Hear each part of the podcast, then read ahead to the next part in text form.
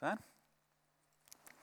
Var det lyd? Så bra. så bra. Jeg må ha den her sånn helt frem, for dere sitter så utrolig langt bak. Kan ikke dere stå helt bak der? Nei, Så kjekt å være sammen med dere. God søndag. God søndag. Takk. Så bra. Eh, nei, utrolig godt å se dere hver og en. Jeg har gledet meg til å være her i dag og få lov til å dele et budskap som jeg tror er veldig viktig. For jeg tror at hvis vi, hvis vi griper dette her, eller kanskje rettere sagt hvis denne sannheten får lov til å gripe oss og gjøre noe med oss, så vil det ikke bare påvirke ditt liv eller dine nærmeste, men jeg tror faktisk dette vil kunne påvirke byen og landet. Eh, og gjøre Kristus synlig for mennesker eh, i oss og gjennom oss. Det står noe i Johannes 13, 34 om at verden skal kjenne at dere er mine disipler ved måten dere elsker hverandre.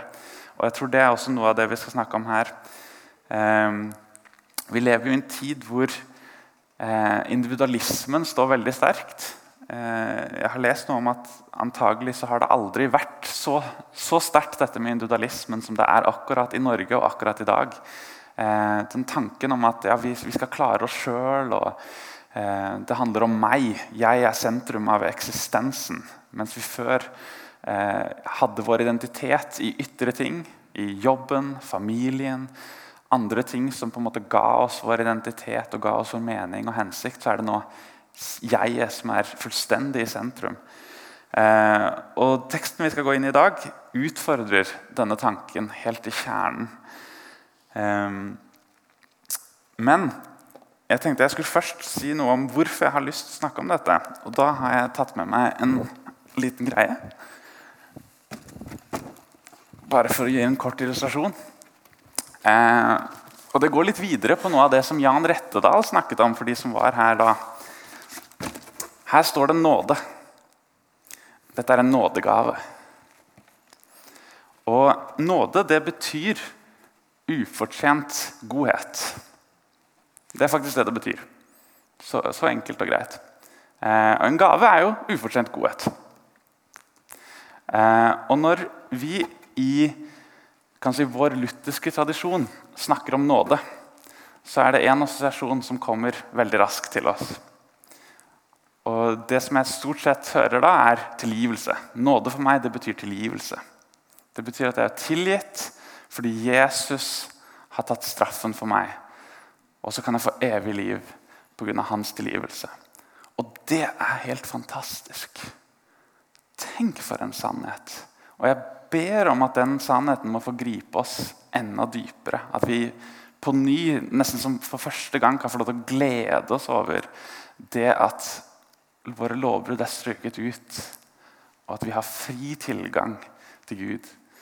Eh, og så tror jeg at, at, det er noe med at vi, vi må eh, gripe det at det, er, det fins altså Grunnen til tilgivelse, grunnen til at, at, Jesus måtte dø for å utslette vår eh, lovbrudd, var fordi han lengtet etter nærhet og fellesskap med oss. Hvis du har noe imot noen andre, så er det ikke mulig å gjenopprette en nær og god relasjon til den personen før det har skjedd en forsoning. Sant? Og Forsoning er et relasjonelt begrep som handler om at man på ny kan gjenopprette relasjonen. Og det er det tilgivelsen gjør. den, Poenget med tilgivelsen var ikke at vi skulle komme til himmelen, en eller annen gang, men at vi skulle få gjenopprette relasjonen med Gud, han som er livets kilde. Så i den gaven, som er nåde, så inneholder det mer enn tilgivelse og evig liv. Det er poenget mitt. Det inneholder også noe eh, som handler om at vi har fått en ny relasjon til Gud. Vi har fått en ny identitet i Kristus. Vi har blitt en del av en ny familie. Guds familie. Eh, vi har fått en ny hensikt, og vi har fått kraft til å leve et nytt liv. Og det er disse tingene som, eh, som eh, korset har kjøpt for oss. Det handler ikke om å gå vekk fra korset, men det handler om å gå ut fra korset inn i fylden av hva korset var betalingen for.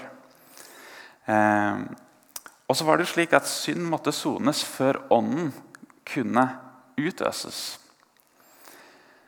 Og Vi hadde en flott tale på Salem Ung eh, av Martin Sele om det, om Den hellige ånd.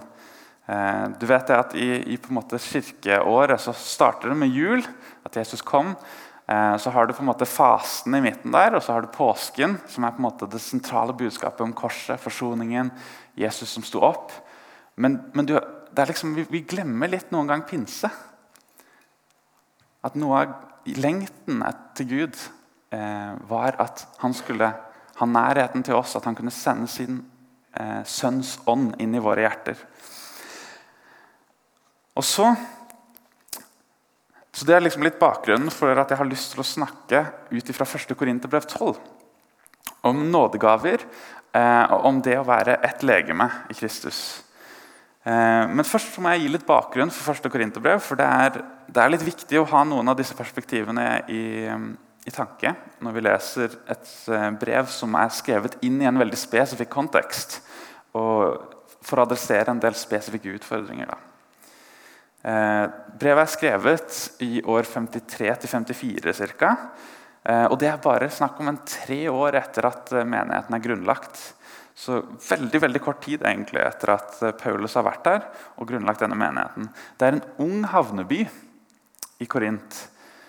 Og eh, den, den, ble destruert av romerne når de kom, kom, inn i det området. Og så ble den gjenoppbygget av Julius Cæsar i år 35 ca.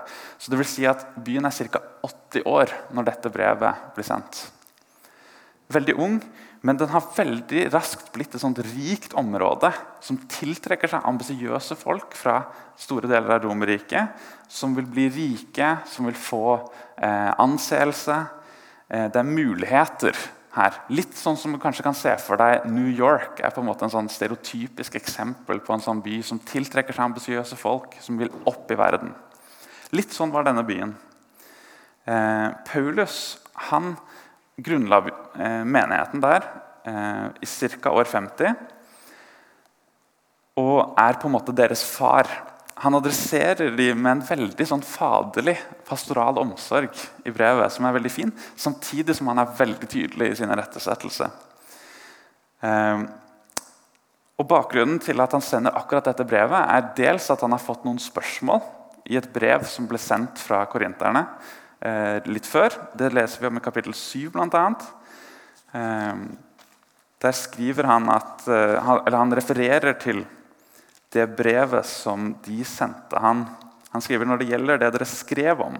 Og så går han inn i forklaringen når det gjelder de tingene som de har skrevet om. Og Hvis du ser, ser eh, hva han adresserer, så er det ting som angår ekteskap, sex, singelliv, omskjærelse, matbud, Eh, hodeplagg, nådegavebruk når menigheten samles. Eh, dette om oppstandelsen. Det er noen som trodde, ikke trodde på oppstandelsen lenger. og sånn. Eh, innsamlingen til Jerusalem. Og så er det også en annen bakgrunn. Det er at Han har hørt fra noen som han kaller for Kloes folk, vi vet ikke helt hvem det er, om at det her er splittelse i Korint. Eh, og det er rett og, slett, rett og slett problemer. altså. Og Det leser vi om i kapittel 1. Og Dette er på en måte hovedbudskapet til eh, hele brevet. Eh, er dette med enhet. Kapittel 1, vers 10.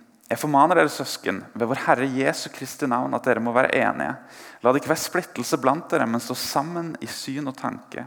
For noen av Kloes folk har fortalt meg søsken, at det er stridigheter blant dere. Jeg sikter til dette at noen sier 'jeg holder meg til Paulus', men andre sier til Apollos, til Kefas eller til Kristus. Er da Kristus blitt delt? Var det kanskje Paulus som ble korsfestet for dere? Eller ble dere døpt i Paulus' navn? Så det er utrolig vanskelig tid da, med splittelse og problemer. Eh, hvis vi leser videre i brevet, så hører vi om, om hor, om stolthet. Eh, det er kristne som setter andre kristne for retten. Det er en misbruk av nattverden hvor det er noen som spiser seg mette, og andre som blir igjen uten noe som helst. Og, og ja, at Dette blir omtalt som en urett mot Herrens kropp. Det kan vi lese i kapittel 11. Det er kaotisk nådegavebruk, hvor det var noen som ville liksom være de åndelige superfolka. Og så, og så, ble det kaos, og det ble ikke oppbyggelig for menigheten. For det var noen som ville vise seg frem i måten de eh, talte i tunger og talte profetisk. Og så ble det kaos. Eh, og Det er den delen som jeg skal gå inn i nå. Men hovedbudskapet er som sagt enhet. Han Paulus vil minne om evangeliet og hvordan ser det ut å leve i lys av evangeliet. Sånn, gitt evangeliets sannhet, at vi har blitt akseptert i Kristus, hvordan skal du da leve? Så Det var en lang, lang innledning. Men eh, så går vi inn i 1. Korinterbrev, kapittel 12. Og jeg tenkte jeg skulle bare lese eh, nesten hele kapittelet. Og, så ser vi litt hva vi går inn i der. Kan vi ta og stå når vi leser Guds ord? Det er sånn fin ting å minne oss om at dette er noe spesielt. Dette er faktisk Guds levende ord, det som skal stå til evig tid. Ok, Jeg leser i Herrens navn. Når det gjelder åndens gave, søsken, vil jeg at dere skal ha kunnskap om dem. Dere vet at da dere var hedninger, ble dere viljeløst drevet med til de stumme avgudene. Derfor kunngjør jeg dere at ingen som taler i Guds ånd, sier 'forbannet er Jesus', og ingen kan si 'Jesus er Herre' uten i Den hellige ånd. Det er forskjellige nådegaver, men ånden er den samme. Det er forskjellige tjenester, men Herren er den samme. Det er forskjellige kraftige virkninger, men Gud er den samme, Han som er virksom og gjør alt i alle. Hos hver enkelt gir Ånden seg til kjenne, slik at det tjener til det gode. For ved én og samme ånd blir det gitt én å tale visdom, en annen å formidle kunnskap. Én får ved den ene ånden en spesiell trosgave, en annen får nådegave til å helbrede. Og én får kraft til å gjøre under. Én får den gave å tale profetisk, en annen å bedømme under. Én får ulike slag av tungetale, og en annen kan tyde tungetale. Alt dette gjør den ene og samme ånd, som deler ut sine gaver til hver enkelt slik han vil. Slik kroppen er én, selv om den har mange lemmer, og alle lemmene utgjør én kropp, enda de er mange. Slik er det også med Kristus. For med én ånd ble vi alle døpt til å være én kropp, enten vi er jøder eller grekere, slaver eller fri. Og alle fikk vi én ånd å drikke. For kroppen består ikke av én kroppsdel, men av mange. Om nå foten sier 'fordi jeg ikke er hånd, hører jeg ikke med til kroppen', så er den like fullt en del av den. Om øret sier 'fordi jeg ikke er øye, hører jeg ikke med til kroppen', så er den like fullt en del av den. Hvis hele kroppen var øye, hvor ble det da av hørselen? Hvis det hele var hørsel, hvor ble det av luktesansen? Men når Gud har gitt hver enkelt lem sin plass på kroppen slik han ville det Hvis det hele var én kroppsdel, hvor ble det da av kroppen? Men nå er det mange kroppsdeler, men bare én kropp. Øyet kan ikke sitte i hånden. 'Jeg trenger deg ikke.' Eller hodet til føttene. 'Jeg har ikke bruk for dere.' Tvert imot. De delene av kroppen som synes å være svakest, nettopp de er nødvendige. De kroppsdelene som vi synes er mindre ære verd, dem gir vi desto større ære. Og de delene vi fører skam ved, kler vi desto mer sømmelig. De andre trenger det ikke. Men nå har Gud satt, kropp, satt sammen kroppen slik at det som mangler ære, får mye ære. For at det ikke skal bli splittelse i kroppen, men alle lemmene har samme omsorg for hverandre. For om ett lem lider, lider de andre med. Dere er Kristi kropp, og hver av dere et lem på ham. Slik lyder Herrens ord. Dere kan sette dere.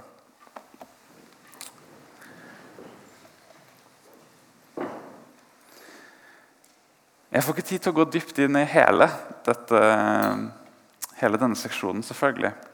Men eh, for det første dette at vi Eh, vi har en felles bekjennelse. Han skriver her at ingen eh, som taler i Guds ånd, sier 'forbannet er Jesus'. Og ingen kan si 'Jesus er Herre' uten i Den hellige ånd. Jesus er både den som forener, og den som skiller. Vi blir skilt fra de som ikke har den bekjennelsen. Eh, og men alle som har den bekjennelsen, at Jesus er Herre, vi er forent. Vi har én ånd, står det faktisk. Ingen kan si det uten at man har den samme ånd. Eh, og det er Ånden som har åpenbart for oss at dette er sant. Og Så snakker han om at det er forskjellige nådegaver. Og så er Det litt interessant at han sier ikke sant, det er forskjellige nådegaver, men ånden er den samme. Det er forskjellige tjenester, men Herren er den samme. Og det er forskjellige kraftige men Gud er den samme. Der har du treenigheten. Så selv om det ikke er en eksplisitt treenighetslære i eh, Paulus sin litteratur, så ser du det implisitt flere steder. Sånn. Og jeg syns det er så fint at han, at han nettopp drar frem dette med at Gud uttrykker seg i en, et slags mangfold. Altså det, det, er et mangfold i Guds natur, på en måte.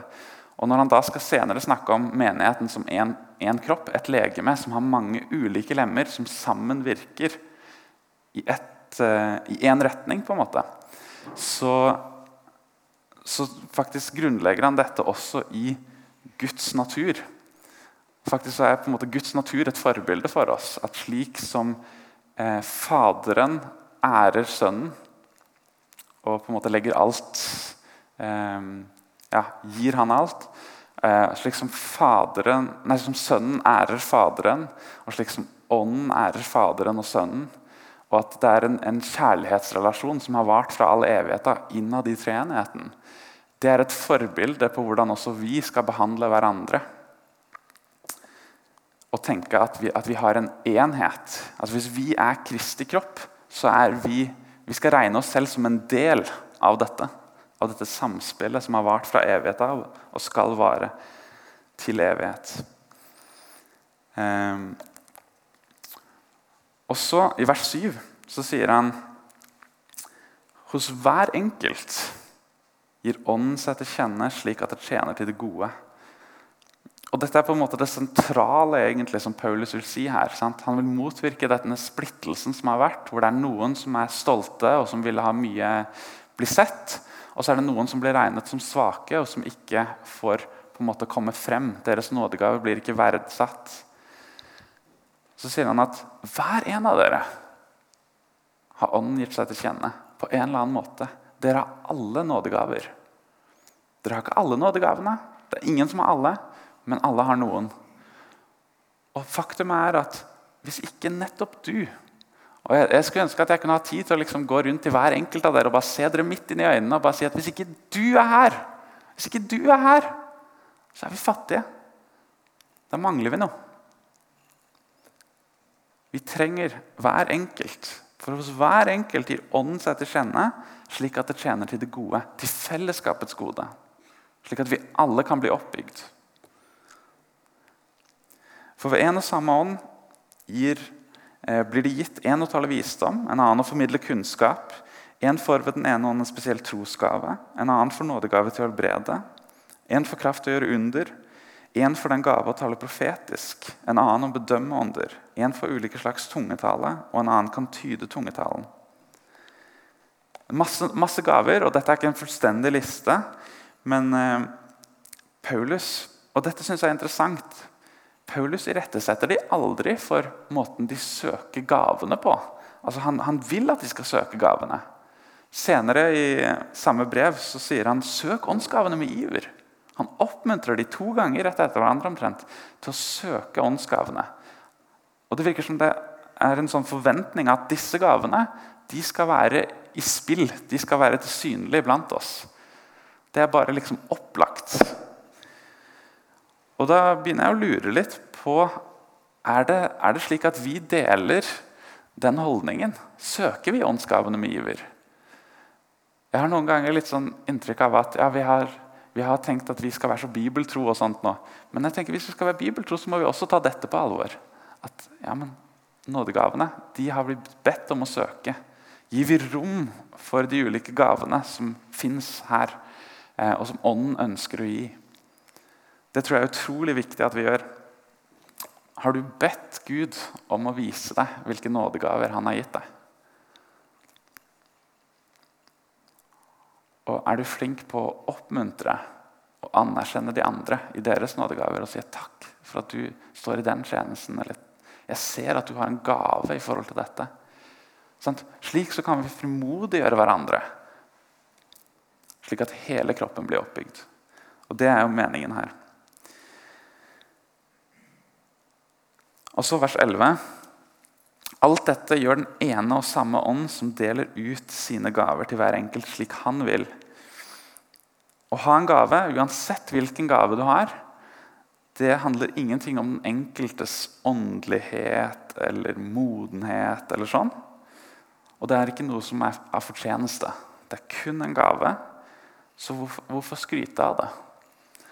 Det står tidligere i samme brevet, eh, i 1. Korinter 4 og vers 7.: Hvem har satt deg høyere enn andre?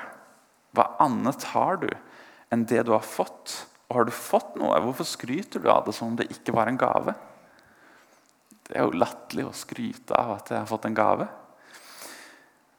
Og I 1. Korinter 8 og vers 1 så står det kunnskap gjør håndmodig. Det er kjærligheten som bygger opp. Og Dette tror jeg er så viktig at vi tar med oss. At uh, Det handler ikke om enkeltpersoner, men det handler om hvordan vi kan tjene hverandre. Og så er det dette som står om kroppen og mange lemmer. Slik kroppen er én, selv om den har mange lemmer. Og Alle lemmene utgjør én kropp, enda de er mange. Slik er det også med Kristus. For med én ånd ble vi alle døpt til å være én kropp, enten vi er jøde eller greker, slave eller fri, og alle fikk vi én ånd å drikke av. Uansett hva som var tilfellet eh, før du ble kristen, om du har den etniske bakgrunnen, om du har den økonomiske situasjonen Alle de tingene som vi knytter identitet til, de er nå blitt på en måte, ikke, kanskje ikke helt visket ut, men i hvert fall underlagt denne ene identiteten vi har i at vi er Guds barn og at vi tilhører Kristus. Og Det er en større identitet som samler oss alle. At vi har fått én ånd å drikke av. Det og jeg bare tenker litt på Hvilken annen organisasjon eller hvilket annet fellesskap har så stor bredde som det Kirken har? Og Nå tenker jeg Kirken med stor K. Den verdensvide kirken. Dere vet at Gud har kun, kun én kirke. Det er ikke sånn at Han har én luthersk og én anglikansk. og en, Han har én kirke med stor K, og det er Guds folk, de som han har utvalgt. De som han elsker, og de som han kjenner. Hvilken annen organisasjon eller fellesskap har så stor bredde? Det er ingen annen som har det. Ingen politisk organisasjon, sant? ingen idrettslag. Ingen organisasjon har en så stor bredde av bakgrunner, av språk, av etnisiteter som det Kirken har. Jeg så nylig på Facebook noen som la ut det nettet som et argument for kristentroens validitet. At han sa at eh, hvis du ser på hinduisme, buddhisme, det er nesten bare én etnisitet. Hvis du ser på muslimene, så er det litt større bredde. Eh, men hvis du ser, sammenligner det med kristentro, hvor stor bredde det er, hvor stort mangfold det er Det er kjempestort. Sant? Og Er ikke det nettopp et tegn på at dette er faktisk en religion som Gud selv har innstiftet? At den treffer alle mennesker, alle bakgrunner, alle kulturer. Ånden har gjort oss ett i Kristus. Og de kulturelle forskjellene som vi kan kjenne på og ja, Da tenker jeg også egentlig på personlighetsforskjeller, sånn, temperamenter og sånne ting. Det er underlagt. Det er, det er i andre rang. Det at vi er, vi er søsken, og vi er én kropp i Kristus, det er nummer én. Og Det som Paulus peker på da, i hele denne seksjonen med hvor han snakker om kroppen, menigheten som en kropp, er at vi trenger både mangfoldet At vi, har, vi har et behov for mangfold. Jeg synes det er, litt, det er litt vanskelig å bruke det ordet, fordi mangfold er blitt brukt så mye som et sånn politisk ord nå. Eh, jeg vet ikke om dere kjenner igjen i det, men jeg føler det brukes mye i sånn nyhetsbildet som en sånn politisk ord for venstresiden. Litt sånn der, for få, at vi skal få dårlig samvittighet. på en måte. Men mangfold er noe utrolig vakkert. Det er Guds design i at vi skal være ulike. Og at nettopp i de ulikhetene så blir vi alle velsigna. Jeg trenger din ulikhet. Det er ikke en utfordring for meg. Det er ikke et problem for meg at du er forskjellig for meg. Det er nettopp min mulighet til å få lov til å vokse og til å få lov til å se mer av Kristus gjennom slik du eh, er skapt, og slik du reflekterer hvem Gud er. Så mangfold er noe utrolig vakkert og noe utrolig viktig for Gud. Faktisk. Vi må bare legge vekk det der politiske undertonene som det har fått etter hvert. Ehm, så Det er det ene mangfold. Men så sier han også noe om dette med at vi er gjensidig avhengige av hverandre. Og det er her jeg tenker Dette taler noe imot vår individualistiske kultur. Ehm, fordi en kropp så kan ikke øynene si til munnen at 'jeg trenger deg ikke'. Du kan ikke liksom ta én del av kroppen og si at ja, men vi skal alle være den. Nei, vi trenger alle bitene, og vi er fullstendig avhengig av alle bitene. Eh, og når eh, og når ett lem lider, står det senere, så lider de alle sammen med. Og, og, sånn er det jo i en kropp. Jeg bare tenker på Jeg var eh, Jeg jobbet en sommer som, som tømrer. Og, og så klarte jeg å slå tommelen slik at eh, neglen knakk liksom helt ved rota. Sånn. Eh, og Der og da så gikk det greit, og jeg tømra videre og gikk hjem på kvelden. Og sånn. Og så når jeg skulle legge meg om kvelden, og på en måte adrenalinet var lagt seg, så bare kjente jeg hvor utrolig vondt det var i hele kroppen. Hver gang eh, blodet liksom sirkulerte rundt, så bare kjente jeg det i hele kroppen. Bare fordi jeg hadde knekt liksom, en liten negl. Eh, og Da ble det veldig reelt for meg dette her, om ett lem lider, så lider hele kroppen med. Og Sånn skal det være i eh, Guds hus. At vi skal ikke være likegyldige til hverandres lidelse og hverandres utfordringer. Om én i dette rommet lider, har en utfordring, så skal vi kjenne på det sammen. Vi skal gråte med de som gråter. Vi skal bære hverandres byrder, står det i Guds ord. Og på den måten oppfylle Kristi lov. Har vi den type omsorg for hverandre? Tenk om vi hadde det. Tenk så godt det hadde vært å være her. Folk hadde stått i kø vet du, for å komme inn og få lov til å være en del av et sånt fellesskap som virkelig brydde seg om hverandre på det viset. Som har investert i hverandre. Det står i 1. Johannes 4, vers 20. Eh, Dersom noen sier jeg elsker Gud og likevel hater sin bror, så er han en løgner. For den som elsker sin bror som han har sett, hvordan kan han den som ikke elsker sin bror som han har sett, hvordan kan han elske Gud som han ikke har sett? Hvis ikke du elsker din bror Og da mener jeg ikke bare at jeg velsigner deg, og så går jeg min egen vei, men at jeg faktisk bryr meg og hvis du mangler noe, så er jeg villig til å gi av det som er mitt. Jeg er villig til å ofre noe for at du skal ha det godt. Hvis vi ikke elsker i det konkrete, hvordan kan vi da elske Gud som vi ikke har sett? I Romerne 12, fra vers 9, så står det La kjærligheten være uten hykleri. Avskynd det og hold fast ved det gode. Vær varmhjertet mot hverandre i broderkjærligheten. Kappes om å hedre hverandre. Vær ikke lunkne i iveren. Vær brennende i ånden og tjen Herren. Tenk om vi hadde sånn, et sånt fellesskap hvor vi kappes etter å hedre hverandre. At kappløpet, konkurransen her gikk på liksom, hvem kan hedre hverandre mest. Hvem kan gi mest anerkjennelse, hvem kan gi mest oppmuntring, hvem kan bygge hverandre mest opp. Det var det vi etterjaga. At vi var varme, våre hjerter var varme imot hverandre. I broderkjærligheten. Dette er noe som Gud bare ønsker for oss, og som jeg tror er utrolig attraktivt eh, når man kommer inn i sånn, en sånn kultur. Da. Og Jeg tror det vitner om at Gud er blant dere. Det at det er en sånn kjærlighet som binder oss sammen på tross av mangfoldet på et vis. Eh, eller kanskje nettopp pga. mangfoldet. Eh, også apostelgjerningene 2, fra vers 44.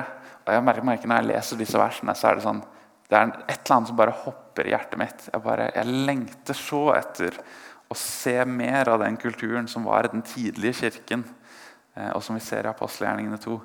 Der står det alle de troende holdt sammen og hadde alt felles. Tenk på det. Alt felles. De solgte eiendommene sine og det de ellers eide, og delte ut til alle etter, hver, etter det hver enkelt trengte. Hver dag holdt de trofast sammen på tempelplassen, og hjemmene brøt de brødet og spiste sammen med oppriktig og hjertelig glede. De sang og lovpriste Gud og var godt likt av hele folket. Og hver dag la Herren til nye som lot seg frelse.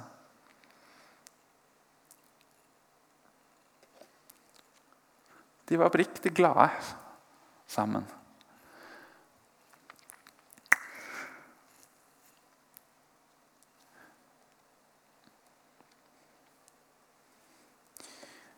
I vers 22 så snakker Paulus noe om dette med det som er svakt. Han sier tvert imot de delene av kroppen som synes å være svakest, nettopp de er nødvendige. Og de kroppsdelene som vi synes er mindre ære verd, dem gir vi desto større ære. Og de delene vi fører skam ved, kler vi desto mer sømmelig. Det er interessant at han bruker det ordet 'svak' to andre steder i brevet. Hvor han, eh, den ene stedet kommenterer han dette at korset er nettopp at Kristus ble svak for at vi skulle bli sterke. Og den andre er at han kommenterer sin egen tjeneste som at han er den svakeste av alle. Sant? Han er den minste av alle apostlene. Han, han, han, bruker et ord som normalt er eh, noe som er foraktet. Altså, vi ønsker ikke å være svake. Hvem ønsker å være svak? Men han sier at nettopp de svake er de som er nødvendige. Og han identifiserer seg selv med de. Det er ganske spesielt. Han som har plantet menigheten, som er en apostel. Sant? Han som på en måte har all grunn til å skryte og være blant de store, sier han at nei, jeg, jeg er som en svak blant dere. Altså sier Paulus at de svake de har en uvurderlig verdi og rolle i fellesskapet. De er identifisert med Kristus selv, som ble svak for vår skyld. Eh, og de sterke, de som på en måte er de åndelige superstjernene sant? Husk på at I denne menigheten så var det de som ville ha oppmerksomhet og, og skapte disse splidighetene. De ignorerer de svake til sin egen undergang. Altså De blir selv fattige fordi de ikke anerkjenner viktigheten av disse som de regner som svake. De sterke trenger de svake for å minnes om hvem Kristus er, og for å se bredden av Guds eh, legeme. Kristi kropp. Ja, han går faktisk enda lenger enn å si dette. Han sier at Gud vil gi de som er svake, enda større ære og kle de enda finere opp. Fordi Guds rike er et sånt opp-ned-rike. Har du tenkt på det at de fattige blir velsigna? De svake er sterke. De gråtende de skal glede seg. De første skal bli de siste, og de siste blir de første. Så, sånn er Guds rike. Så vi må ikke drive og jage etter å bli de som er sterke, de som blir mest sett. Hva hvis vi kan få lov til å være tjener når Jesus selv, som er kongenes konge, sier at 'jeg er som en tjener blant dere'? Så jeg tror det er, to grøfter her. Det ene er den der stoltheten. Det har jeg snakket mye om. Hvor man setter seg selv frem og, eh, og vil bli sett. Men jeg tror det andre også er dette med den falske ydmykheten. Den der janteloven som sier at 'nei, jeg er ingenting'. Ikke se på meg. Og så på en måte er det en sånn selvutslettende 'nei, jeg har ingenting å komme med her'. Jo, men Guds ord sier at Gud har gitt deg sin ånd. Han har gitt deg nådegaver som fellesskapet trenger. Begge disse tingene eh, er ikke av Gud. Eh, fordi når du sier 'nei, ikke se på meg' eller 'jeg er ingenting', så er fokuset ditt fortsatt på deg. Akkurat like mye som den sterke som sier 'se på meg'. Fokuset er, I begge tilfeller så er fokuset på deg. Den sanne ydmykheten er jo ikke å tenke lite om seg selv, men å tenke på seg selv lite, som C.S. Lewis sier så fint. Nettopp det at du har fokuset ditt på Herren Jesus og din identitet i Han, ikke i deg selv. At du regner eh, verken deg selv som svak eller sterk. Du trenger ikke å identifisere deg selv med noe av det.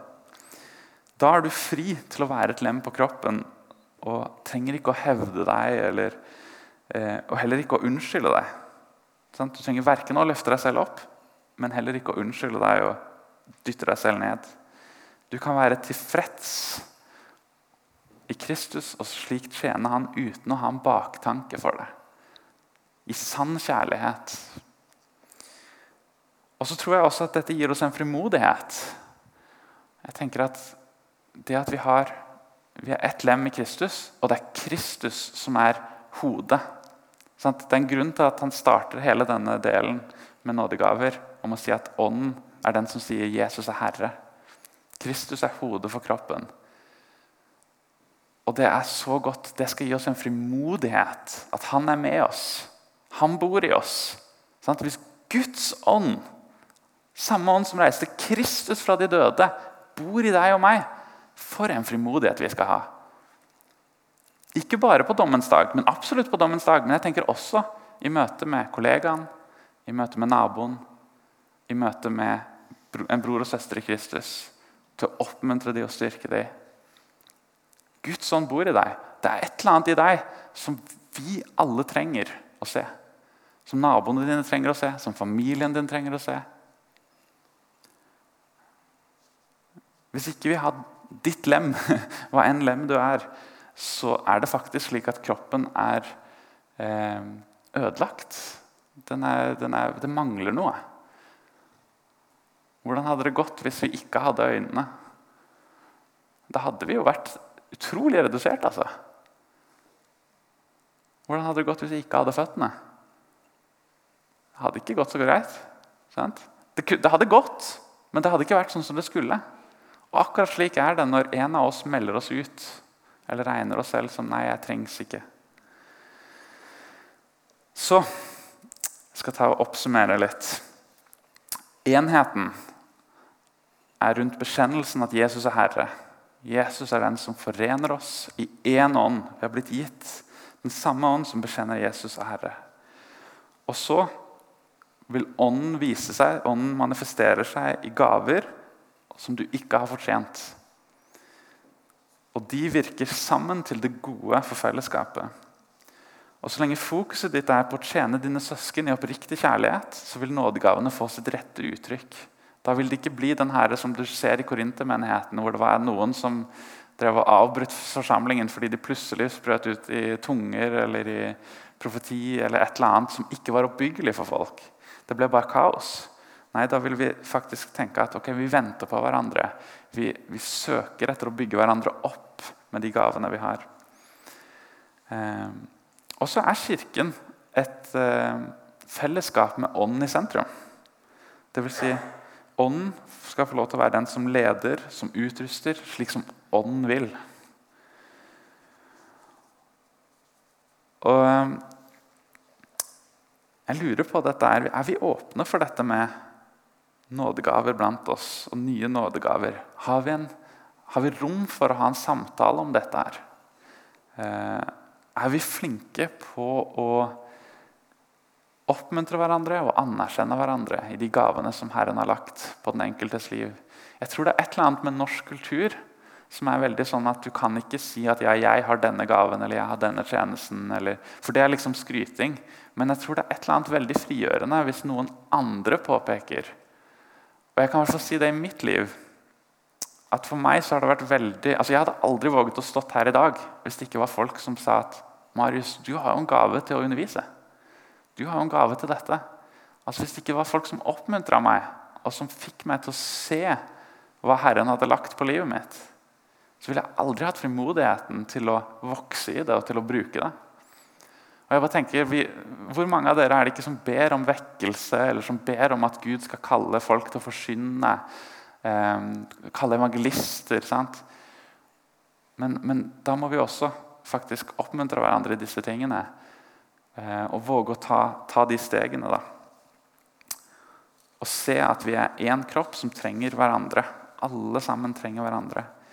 Og jeg tenker også nå konkret, Vi, vi hørte om dette med at dette som skjer i, i Israel og ja, Vi kan også se i vårt eget land hvor mye på en måte splittelse det er. og sånn. Eh, hvor mange som lider. At vi må, ja, kjenner vi på det? Kjenner vi på at dette er brødre og søstre som, eh, som jeg har en forpliktelse overfor? Jeg er avhengig av dem. Ja, det, det, er spørsmål som jeg stiller meg sjøl, og som jeg tror er godt for oss alle å tenke på. Jeg har lyst til å avslutte i bønn. Kjære himmelske Far. Du som har gitt oss av én ånd å drikke, og som har forent oss til å være én kropp og én familie til din ære. Jeg vil takke deg, Herre, for at du har gitt oss denne dagen. Eh, og denne anledningen denne søndagen til å være sammen, til å bygge hverandre opp. Herre, du ser hver enkelt som er her i dette rommet, og du vet hver og en av deres historier.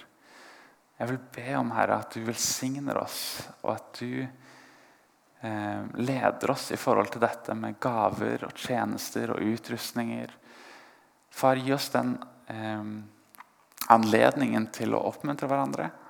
Jeg ber Herre at eh, vi kan ydmyke oss i forhold til å se at eh, det handler ikke om å, å, ha en høy status eller eh, at noen skal se på meg eller se på deg. Men det handler om at vi skal få lov til å sammen gi deg ære.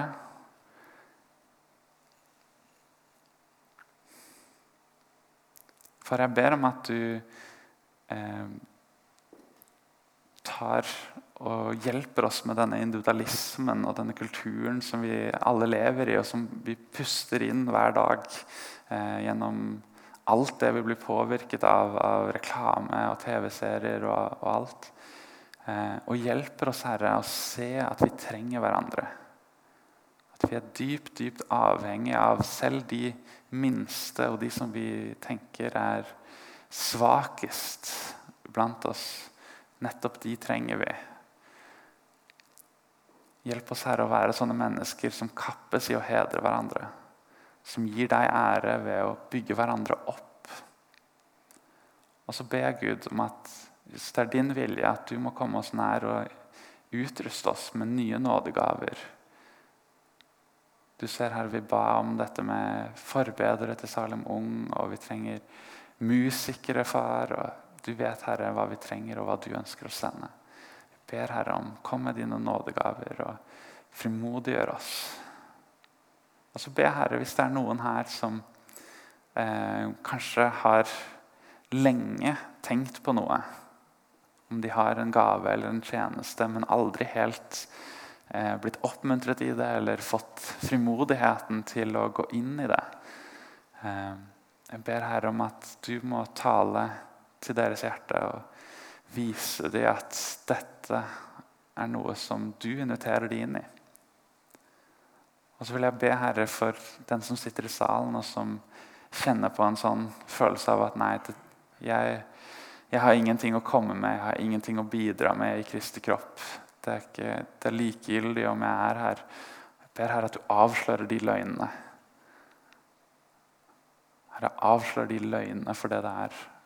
At nettopp de er nødvendige. Nettopp de som kjenner seg svake i dag. De er de som du ser.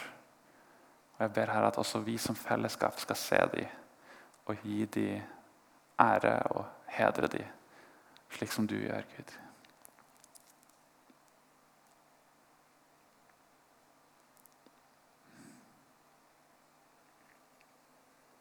La oss få leve i sann ydmykhet, som ikke sier at jeg er ingenting, men som sier at du er alt. Du som er vår glede, vår identitet, vår hensikt, vår skatt. Du som er kongenes konge og herrenes herre. Du som regjerer i all evighet. Du som er alfa og omega, begynnelsen og enden. Du som er sannheten, som aldri kommer til å feile. Du som er vår styrke, du som er vår faste klippe. Deg gir vi ære, og vi priser og ærer ditt navn. Og takker deg, Herre, for at vi får lov til å være dine og tilhøre deg. Amen.